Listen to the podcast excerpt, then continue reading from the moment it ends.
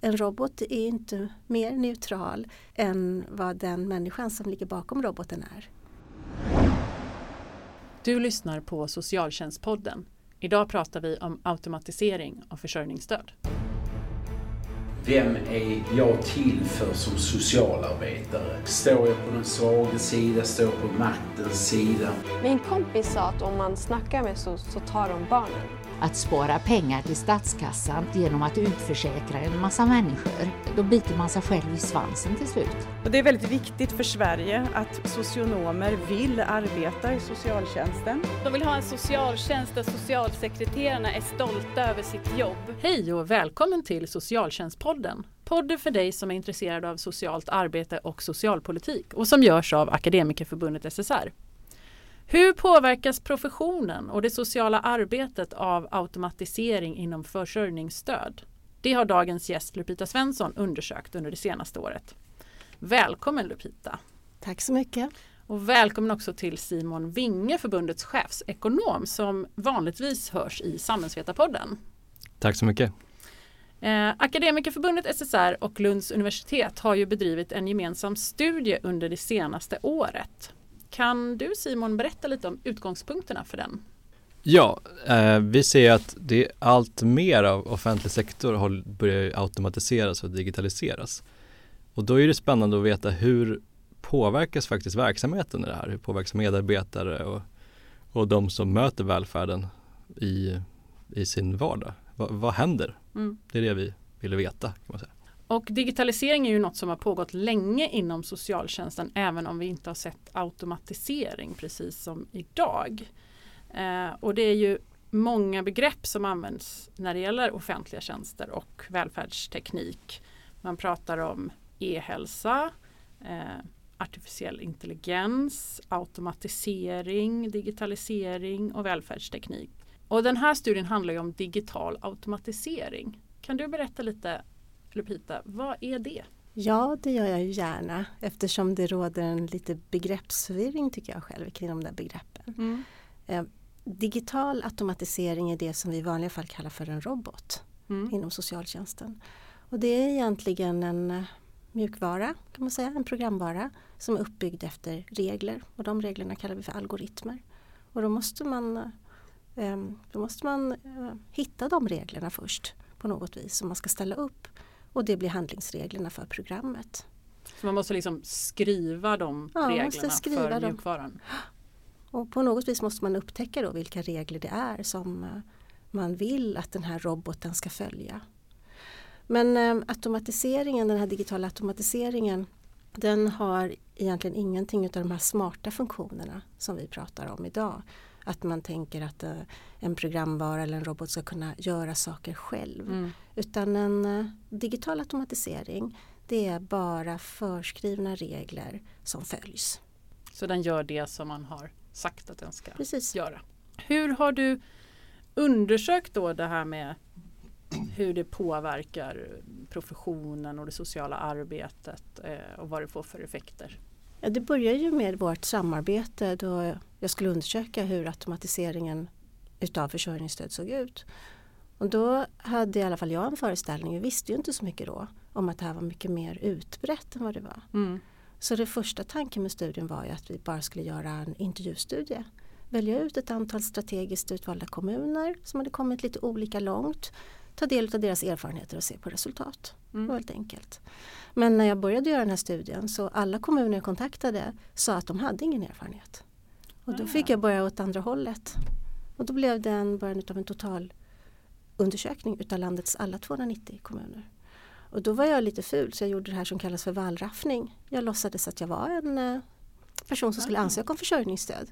Så jag googlade runt på alla kommuners hemsidor och ringde och frågade hur man gjorde. Och, så. och då fick jag reda på hur långt man hade kommit. Och därifrån kunde jag sedan gå vidare och göra mer regelrätt forskning. Skicka ut enkäter, få svar på det och sedan välja ut kommuner där jag gjorde intervjuer med utvalda personer, chefer, kommunpolitiker och handläggare. Och hur många kommuner hittade du? Alltså, allt som allt idag så är det 16 kommuner som har någon form av automatisering i sin eh, handläggningsprocess utav försörjningsstöd. Då har jag gjort intervjuer i eh, i eh, två kommuner där, som har implementerat den här automatiseringen med robotar och sen har jag gjort ytterligare intervjuer i fyra kommuner där man har infört automatiseringen. Så totalt är det tio kommuner som är undersökta med intervjuer och lite fördjupat då.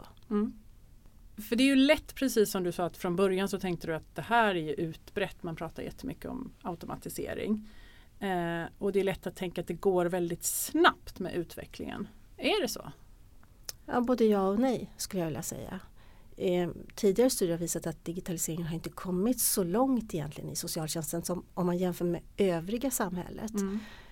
Sen så kanske man också ska fundera över hur det ser ut i offentlig förvaltning. Men eh, digitaliseringen har inte kommit så långt när det gäller socialtjänsten. Sen kan vi se, Socialstyrelsen har gjort en inventering utav e-tjänster, alltså det som man då kan, där man bjuder in eh, samhällsmedborgare att till exempel ansöka via nätet, skicka in uppgifter och så. Och där kan man se en väldigt stark ökning de senaste åren. Man har visat att det varit ökningar på över 20 procent under de senaste åren. Om man tänker på hur den teknikutvecklingen har skett så kan man nog säga att det går väldigt fort. Och det tyckte jag att jag kunde se i den här studien också.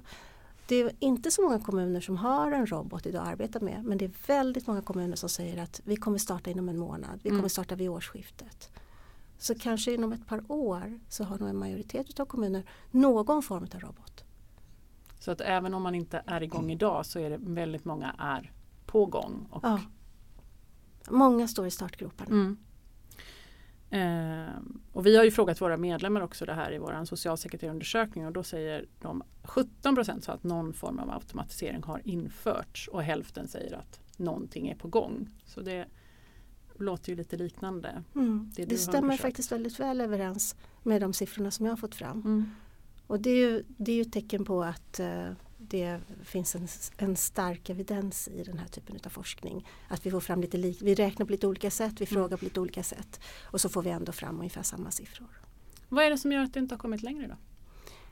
Så det har egentligen min studie inte, det kan inte jag svara på för jag har inte ställt sådana frågor. Men en sak som blir tydligare det är ju att det är svårt för kommuner att jobba självständigt. Det är 290 olika kommuner som ska lösa det här en och en. Nu finns det förvisso många projekt som går ut på att man går ihop och jobbar fler. Men man kan ju se till exempel de eh, större offentliga verksamheterna som Skatteverket, Försäkringskassan har gått mycket fortare men där är man ju centraliserade. Mm. Landstingen har kommit längre, de är också större enheter.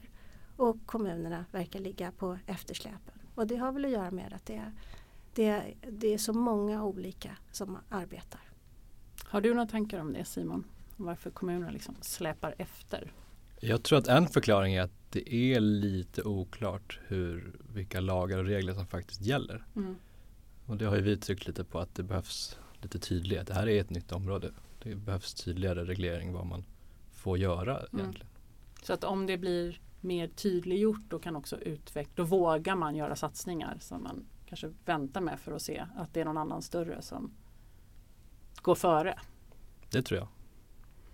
Ehm, men hur står sig, om vi jämför liksom med annan verksamhet i kommunen, eh, har den kommit längre än vad just socialtjänsten har gjort? Det är en väldigt intressant och spännande fråga. Eh, Det har inte jag heller studerat i min studie. Eh, Men Socialstyrelsen har faktiskt gjort sådana undersökningar Mm. när man har följt upp den digitala nationella strategin. Och där visar man att socialtjänsten har kommit ganska långt faktiskt i digitaliseringen. Nu är det ju inte allt inom socialtjänsten, det handlar inte om försörjningsstöd. Nej. En hel del kommuner eh, använder, eller socialtjänster har ju riktat sådana här insatser mot äldreomsorgen till exempel och servicetjänster och så. Men trots det så ska man faktiskt säga att när vi tittar på siffror och genomgångar så verkar det som försörjningsstöd också ligger långt framme. Mm. Även fast man inte har kommit så långt. Då. Så lite efter andra stora myndigheter och aktörer men, men ändå långt fram kommunalt sett. Ehm, Simon, hur står sig de svenska kommunerna om man jämför med andra länder då? Internationellt? Ja, det är en bra fråga. Och man kan väl säga som i många frågor så har USA kommit väldigt långt i det här. Det är lite av en ex- experimentverkstad eh, där man har prövat mycket och en del, hel del har gått lite tokigt. Men jag tycker även i Europa så puttrar det här i de flesta länder Mm. ungefär, där ligger vi kanske ungefär där andra länder ligger. Men det jag tycker är att debatten om det här har kommit inte så långt i Sverige. Nej. Det är inte så många som skriver om det här och det pratas inte så mycket om den här utvecklingen.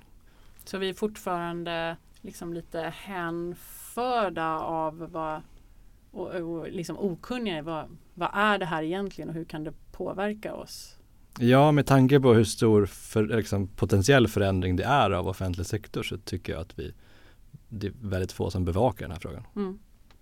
Om vi går till, tillbaka liksom till den studie som du har gjort så sa ju du att du hade intervjuat olika personer i kommunerna. Politiker, chefer och handläggare.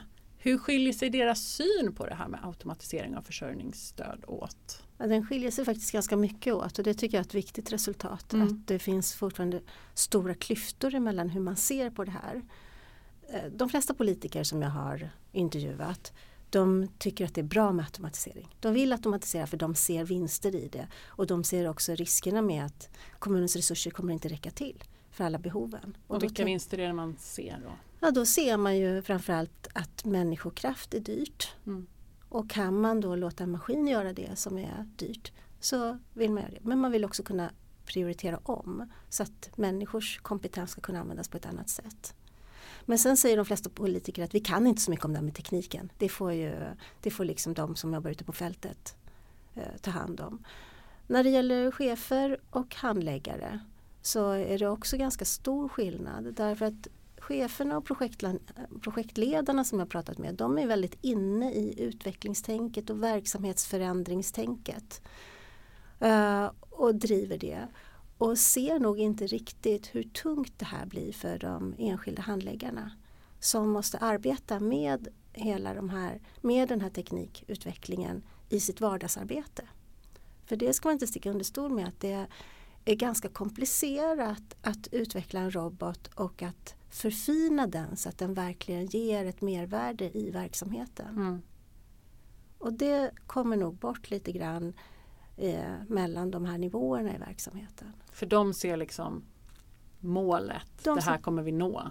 Ja, Men inte riktigt hur arbetstungt det blir att nå dit. nej.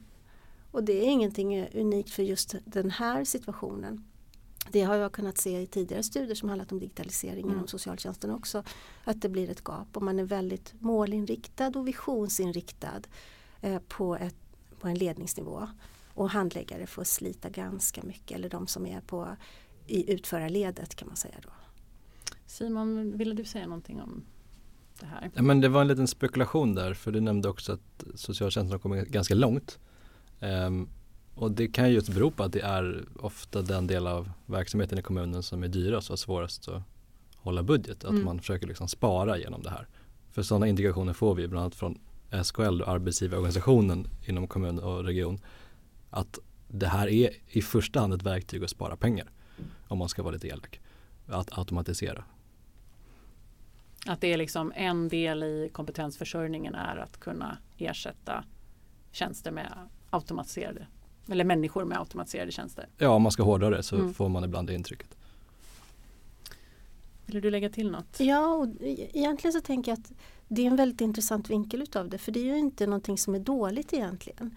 Eh, Man kan tänka sig en process där vissa moment faktiskt inte behöver en människa som gör dem. Mm. Så skulle man ju ekonomiskt kunna tänka att det är mycket bättre att frigöra människans kapacitet och göra det som människan exklusivt kan göra. Och låta en robot göra det som inte krävs den här mm, mänskliga handpåläggningen på. Men, men när man har utvecklat eh, tekniken så har man märkt att det där är inte så enkelt ändå. Att utveckla de här robotarna i det, i det, i det avseendet. Det krävs mycket för att de ska sköta sig själva och de sköter sig inte helt själva.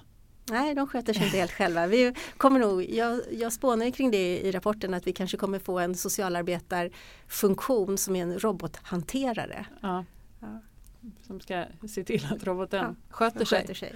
Ehm, men annars så är det ju många arbetsgivare som säger att jo, men, vi ska ta bort den här administrativt tunga delen av det av socialtjänstens arbete så att eh, socialsekreterarna kan träffa människor mer. Eh, och det är ju det som de vill göra i sitt jobb. Ehm, liksom, vart finns den bilden någonstans i, i de kommunerna som du har pratat med? Ja, det gör den faktiskt. Uh, och den är ganska tydlig i ett, i ett par, ett antal kommuner ska jag säga. Mm. Och det är också flera av de kommuner som har kommit längst och hållit på med eh, använt robotar längst som just har den uttalade tanken och säger att vi ska inte dra in på resurser utan vi ska prioritera om. Det som frigörs ska gå tillbaka till verksamheten och ska ge, leda till att handläggare kan träffa människor i större utsträckning och jobba med motivationsarbete, eh, jobbmatchning och så vidare, aktivitetsinsatser. Det som blir lite problematiskt i den här diskussionen det är att det här är ju att sätta in en robot är bara en liten del i ett större pussel. Mm. Så de här kommunerna beskriver en stor verksamhetsförändring eller verksamhetsutvecklingsarbete och förändring. Och en väldigt betydelsefull del i, den här, i det här förändringsarbetet är att man har separerat försörjningsstöd från socialtjänsten. Så man har flyttat ifrån individ och familjeomsorgen, ibland både politiskt, nämndmässigt och organisatoriskt, ibland kanske mer fysiskt, till att närma sig det som är arbetsmarknadsnämnden eller området inom kommunen. Och samtidigt då har man också plockat bort den speciella kompetensen som socionomer besitter. Så de som jobbar med människorna då för att komma ut i arbete och självförsörjning är ju inte enbart socionomer utan det är många olika professioner. Mm. Och man också gör en ganska tydlig förklaring kan man säga att vi ser inte på att man måste uppbära försörjningsstöd som ett socialt problem. Det ser vi som ett problem att man inte kan försörja sig själv. Men det är inte samma sak som sociala problem. Utan det är en aktiveringsfråga. Sen finns det vissa, menar de kommunerna, sen finns det vissa i den här gruppen som också har sociala problem. Men då Mm. hanterar vi dem i särskild ordning. Och då blir ju det här lite komplicerat för det sociala arbetet och för socionomen. Att fundera, vad händer, vad händer då? Och det är väl det som en del av de här handläggarna också ifrågasätter. Att vad, vad händer med det kvalificerade sociala arbetet? Mm. För det är ju det man Ja. säger, eller flera arbetsgivare säger, Mm. det ska bli mer socialt arbete och mindre administration. Ja. Och det blir väl på ett vis bara det att det där andra som man gör då förutom administration det måste vi fundera över, är det socialt arbete? Mm. Eller vad är socialt arbete? Kan socialt arbete utföras av andra än socionomer?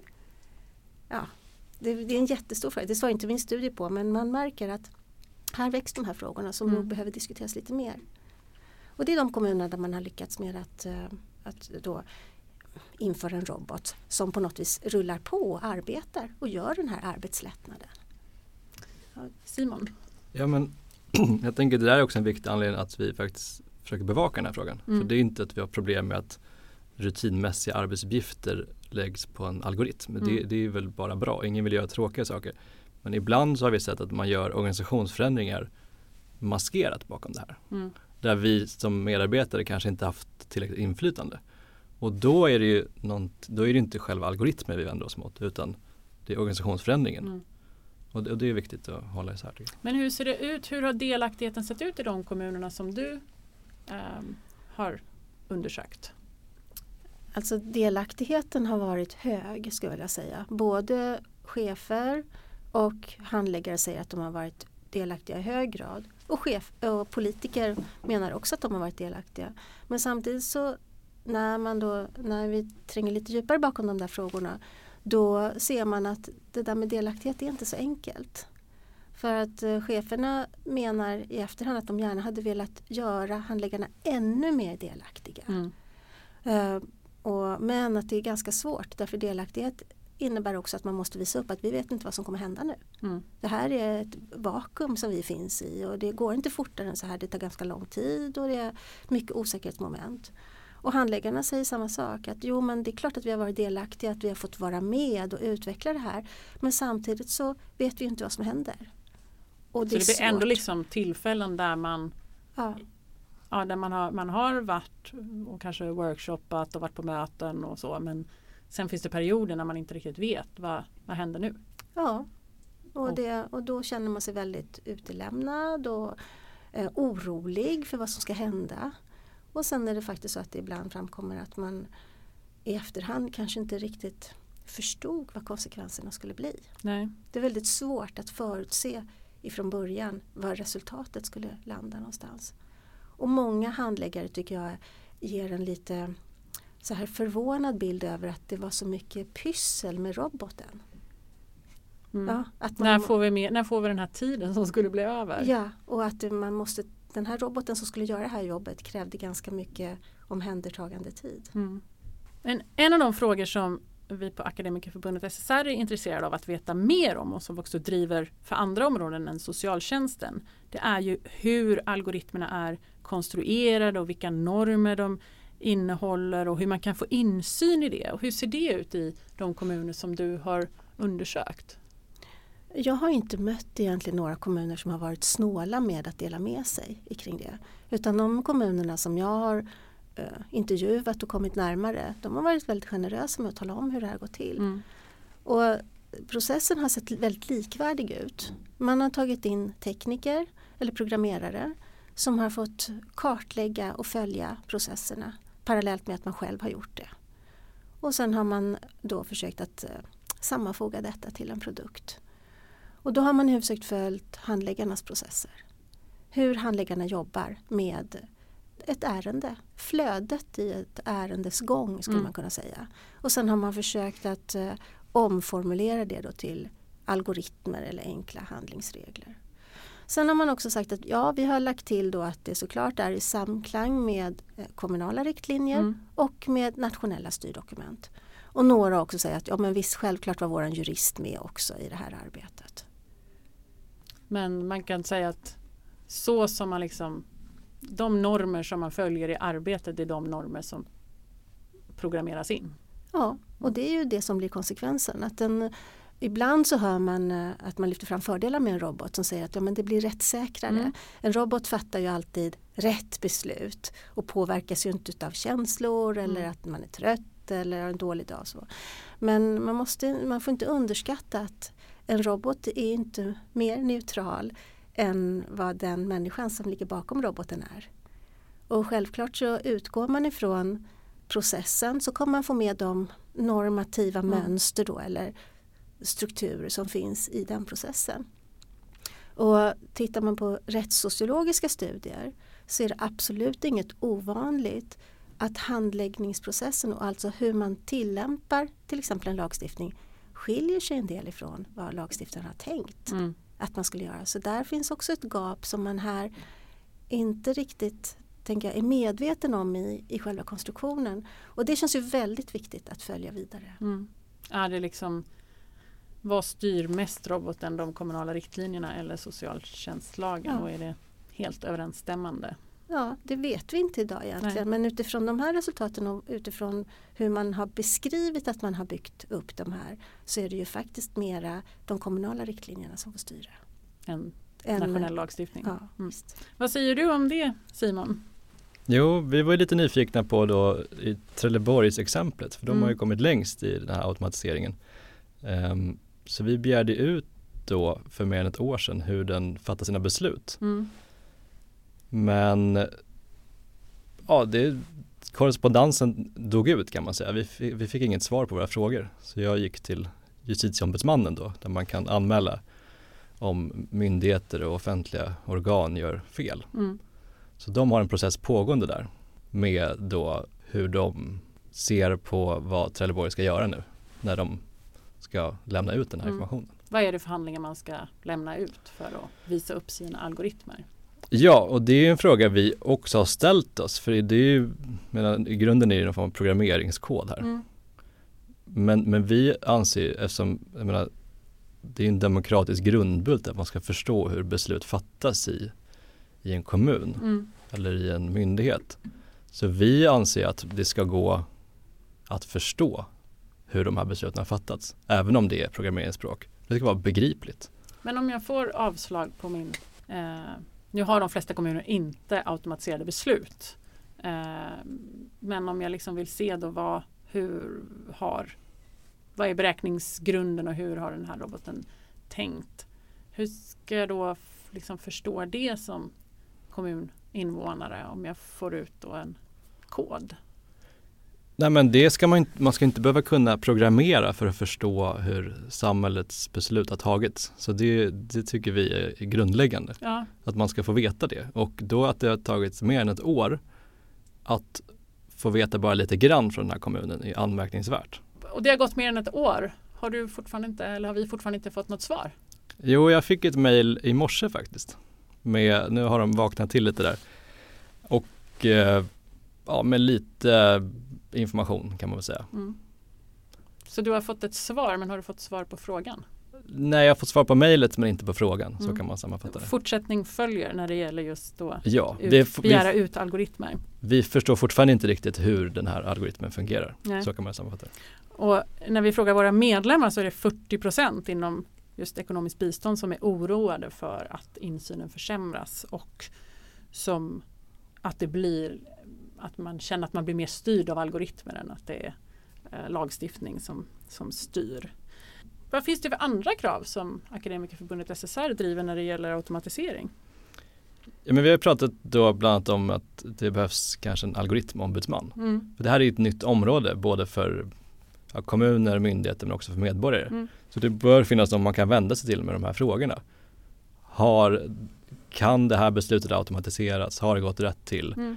Hur har det fattats? Så allt det där ska man kunna få veta. Så vi tycker att det behövs någon man ska vända sig till. Ehm, en, an- ett annat uppdrag som du hade Lupita var ju att undersöka hur påverkar det här då professionen och arbetsmiljön och vad har du kommit fram till där? Ja, det finns ju många intressanta saker att säga om det. Nu måste man ju också tillägga att eftersom det är så få kommuner som har infört detta än så länge så är det ju väldigt svårt att dra egentligen några större säkra resultat. Men Mm. vi kan ändå se ganska många tendenser. Och det ena som händer det är ju att arbetssituationen kommer förändras. När man för in en robot så kommer, man också, kommer handläggarna att eftersom de flesta, precis som du sa tidigare, inte har beslut, en robot som är beslutsfattare utan bara ett beslutsstöd så kommer ju handläggare att äga ärenden fortfarande. Mm. Och då innebär det att handläggarna kommer att ha väldigt många fler ärenden eftersom roboten då arbetar med ett visst antal ärenden. Och det här innebär ju att jobbar man just med den här typen, den här funktionen då kommer det bli mer administration. Man kommer sitta mer vid en dator, man kommer vara ensammare, man kommer träffa mindre människor. Många av de här mm, systemen har också en funktion med min sida, lite liknande 1177 som Mm. landstinget har. Vilket innebär att man kan också logga in då som den sökande och följa sitt ärende. Och det här menar många handläggare att det är väldigt skönt därför att mycket av deras tid gick åt till att svara på den typen av frågor. Så Har min ansökan kommit in? När får jag mina får- pengar? visst. Hur mycket får jag? Precis, som är ganska enkla frågor då. Ja. Och när man då kan gå via den här min sida så kan man få svar på de frågorna själv. Och det skapar också menar handläggarna någon form av känsla av delaktighet för de som söker. Och det ger arbetsro. Mm. Men samtidigt tar det också bort lite av kontakten. Så att här finns det en oro där man säger att ja, men det här blir ju ännu mer administrativt. Och så var det det här med att hantera den här roboten.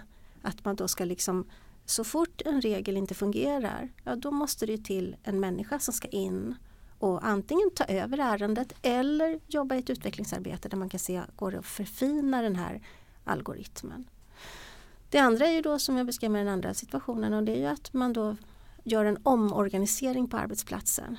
Så att eh, man då kanske väljer att inte jobba med försörjningsstöd överhuvudtaget utan att jobba med någon form av motivationsarbete eller aktiveringsarbete. Så det delar upp liksom att är man den mer administrativa då är man mycket mer administrativ. Mm. Eller så är man mer den här äh, arbetsmarknadsinriktade handläggaren Så, som jobbar så, som mer träffar folk och jobbar motiverande.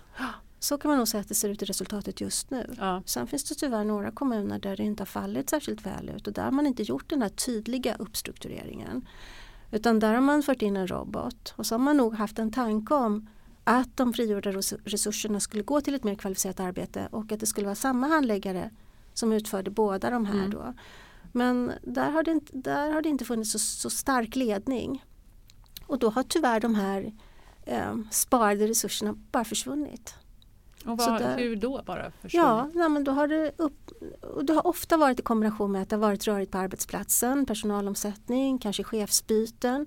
Och då har det varit tjänster som tidigare har varit tillsatta på vikarier. när de där vikariaten går ut då och man har infört en robot så tillsätter man inte dem på nytt.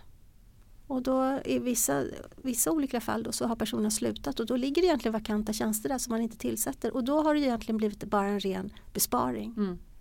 Och där kan man också höra lite uppgivet att ja, men, vad hände med det där sociala arbetet som vi skulle få göra? Och det, men det är ingen kommun som har sagt att man ville göra en nedskärning på det viset utan alla säger att vi vill prioritera om resurser. Men där kan man se hur viktigt det är att ha en tydlig struktur kring det här och någon som bevakar att resurserna verkligen kommer tillbaka. Vad säger du om det Simon, för oss som fackförbund när det gäller att bevaka resurser? Det är väl vårt jobb. Så det är också lite därför vi jobbar med det tänker jag. Att det gäller att ha koll från fackligt håll. Vad händer Ja. med ifall det helt plötsligt står tjänster vakanta? Ska, Mm. de, ska de inte tillsättas och i så fall varför? Mm. Men i de här, så det är liksom Är det då kommuner som har fått mer tid till att träffa sina klienter och det- göra mer socialt arbete? Jag kan inte riktigt svara på den frågan faktiskt. Det är för tidigt att säga det. Ja. Därför att i de kommuner där det funkar, då säger de så här, ja, vi har fått mera tid. Men går inte riktigt att räkna så eftersom man har gjort en så stor verksamhetsförändring. Så att egentligen i slutändan så kan vi inte riktigt säga om det verkligen har blivit mera tid för detta. Eller om det bara handlar om att man har strukturerat om. Det har blivit på ett annat Det sätt. har blivit på ett annat sätt, ja. Mm. det är helt sant. Och det kanske det måste bli. Mm. Det kanske är så fram, när man tittar in i framtiden att det måste bli på ett nytt sätt. Och det är någonting annat som jag lyfter också i själva teknikutvecklingen. Att det kommer säkerligen att komma nya kompetenser och funktioner. Till exempel jag nämner en, en översättningsfunktion mellan teknik, socialtjänst och människa. Alltså som ska kunna då vara en slags översättare. Och där skulle man kunna tänka att då måste man ha specialkompetens om det sociala arbetet för att kunna se till att eh, de här algoritmerna blir rätt utformade. Så det är nya funktioner. Så det, det är väldigt svårt att säga faktiskt. Och sen så kvarstår den här som jag tycker är en väldigt viktig diskussion och det är ju då var försörjningsstödet ska, vad försörjningsstödet ska ha för funktion och Mm. plats. Det, det, det är ideologiskt kanske eller teoretiskt en viktig fråga. Även om man kanske inte kan tycka det eh, om man är mer pragmatisk och Mm. bara tänker att det handlar om att människor ska ut i jobb. Men det blir en viktig professionsfråga. Mm. Och sen är det ju inte alla som har försörjningsstöd för att de är arbetslösa. Nej, och det, och det är väl liksom den synen som det handlar om att eh, också försöka att eh, jobba mera med. Mm. Nu pratas det mycket om att kommunernas ekonomi håller på att försämras. Hur tror ni att det kan påverka den här eh, utvecklingen? Jag blir som sagt lite oroad när man ibland får det låta som att det, det syfte och mål nummer ett med den här förändringen är att vi ska spara pengar. Mm. Och om man går in så i det, det kan bli en konsekvens absolut, men om man går in där med det, den, det ingångsvärdet, då riskerar det att inte bli så bra tror jag. Mm. Så det, det är en oroande tendens. Vad tänker du att man måste ha som ingångsvärde? Nej men att man ska försöka förbättra verksamheten Mm. och göra det så bra som möjligt för medborgare och medarbetare. Och sen kan vi dessutom effektivisera lite. Då är väl det jättebra. Mm. Men att gå in och bara vilja spara, mm, det är inte säkert att det blir så bra då. Utan gå med kvalit- hög kvalitet som, Ja. som nummer ett. Eh, Lupita, vad tänker du är den viktigaste lärdomen från den här studien? För de kommuner som nu, alla de här som ligger och säger att vi är på gång. Vad, vad ska jag, de ta med sig? ja, men jag hänger med här på föregående talare. det är att fundera över mål. Målet, vad är, och vad har det tydligt formulerat? Det tycker jag är en, en viktig lärdom från den här studien. Att de kommuner som har tydliga mål och en del säger, någon kommun sa så här, men vi har gått by the book. Har fått alla de rätta besluten och så. Det, där kan man också följa den här linjen och se till att bevaka resurserna så att de finns kvar i verksamheten. Det tror jag är en viktig fråga, att vara tydlig med målet. Eh, sen så en mer generell sak som jag, som jag kan se det är att det nog är viktigt att det inte ska gå så fort. Det, och hade du frågat mig denna fråga för ett år sedan då hade jag sagt att jag tycker det går för långsamt. Nu måste Ja. vi göra allt för att det ska gå fortare. Men nu när vi har fått möjligheten att jobba med det här materialet i ett år så skulle jag säga tvärtom. Därför att det finns flera stycken som säger i den här rapporten att tekniken är egentligen det som är enkelt i att förändra det här. För det är ett förändringsarbete som innebär så mycket mer. Så det är det som är svårt.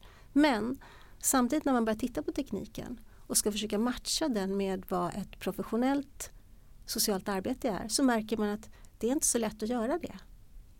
Det är inte så lätt att omvandla de här professionella, det här professionella handlandet till algoritmer. Och då måste vi se till att det görs med omsorg Mm. och att det måste få ta tid. Och, och Det behöver nog få ta den här tiden för att det ska bli bra. För att vi ska kunna verkligen plocka ut delar så att det blir en arbetslättnad men att det sociala arbetet fortfarande finns kvar. Mm. Och där tror jag det finns risker. Om det går för fort så tror jag att vi kommer inte hänga med i vilka normativa mönster som följer med. Och vi vet också från andra sammanhang att när vi helt plötsligt har en färdig produkt och vi börjar använda den då tänker vi att så är det och då blir det bara svårare att Mm. förändra det. Så nu är det något slags fönster som är öppet där vi har möjlighet att påverka och agera. Vad tänker du Simon? Nej, men jag hakar tag lite där, jag tycker det är en bra metafor för vi har ett ganska bra läge nu, jag tänker om man bara kollar på våra medlemmar så är det en ganska positiv grundsyn på den här Mm. förändringen. Men jag tror att om man sjabblar bort det här, om man inte låter, om man inte liksom ger någon insyn och transparens så då, då riskerar man att folk blir skeptiska och, och vänder sig emot hela utvecklingen. Mm. Så jag tror om man ska få legitimitet i det här så måste vi faktiskt ha den här insynen och, och, och någon form av delaktighet från både brukare och medborgare och medarbetare för att man ska liksom lita på att det blir bra. Mm. Så det, det är lite i samma, samma tema där. Ehm, jag tror att annars kommer mycket bra bli stoppat om, vi inte, om det inte är legitimt. Och det kan man ju säga att det har vi inte haft möjlighet att titta på i den här studien. Hur blir det här för brukarna? Nej, Så Det det, det, finns fråga. kvar för forskare som vill eh, Ja. fortsätta att studera effekterna av ja. automatisering. Det finns en mängd med spännande frågor så det är en guldgruva för alla som vill sätta tänderna i det. Ja. Eh, men alltså tydligt syfte och mål och stor delaktighet från personal och bevaka resurserna. Låter som. Och transparens. Och transparens, insyn i vad är det som styr besluten. Det kan jag hålla med om. Ja. Ja. Eh, tack så jättemycket för att ni var med i Socialtjänstpodden idag och vi kommer också länka till eh, Lupitas rapport på vår hemsida. Eh, om två veckor då är vi tillbaka igen med årets sista avsnitt och det kommer att handla om Forskarskolan för anställda i socialtjänsten. Professor Kerstin Svensson kommer hit för att berätta om den. Och tills dess, tack för att ni har lyssnat.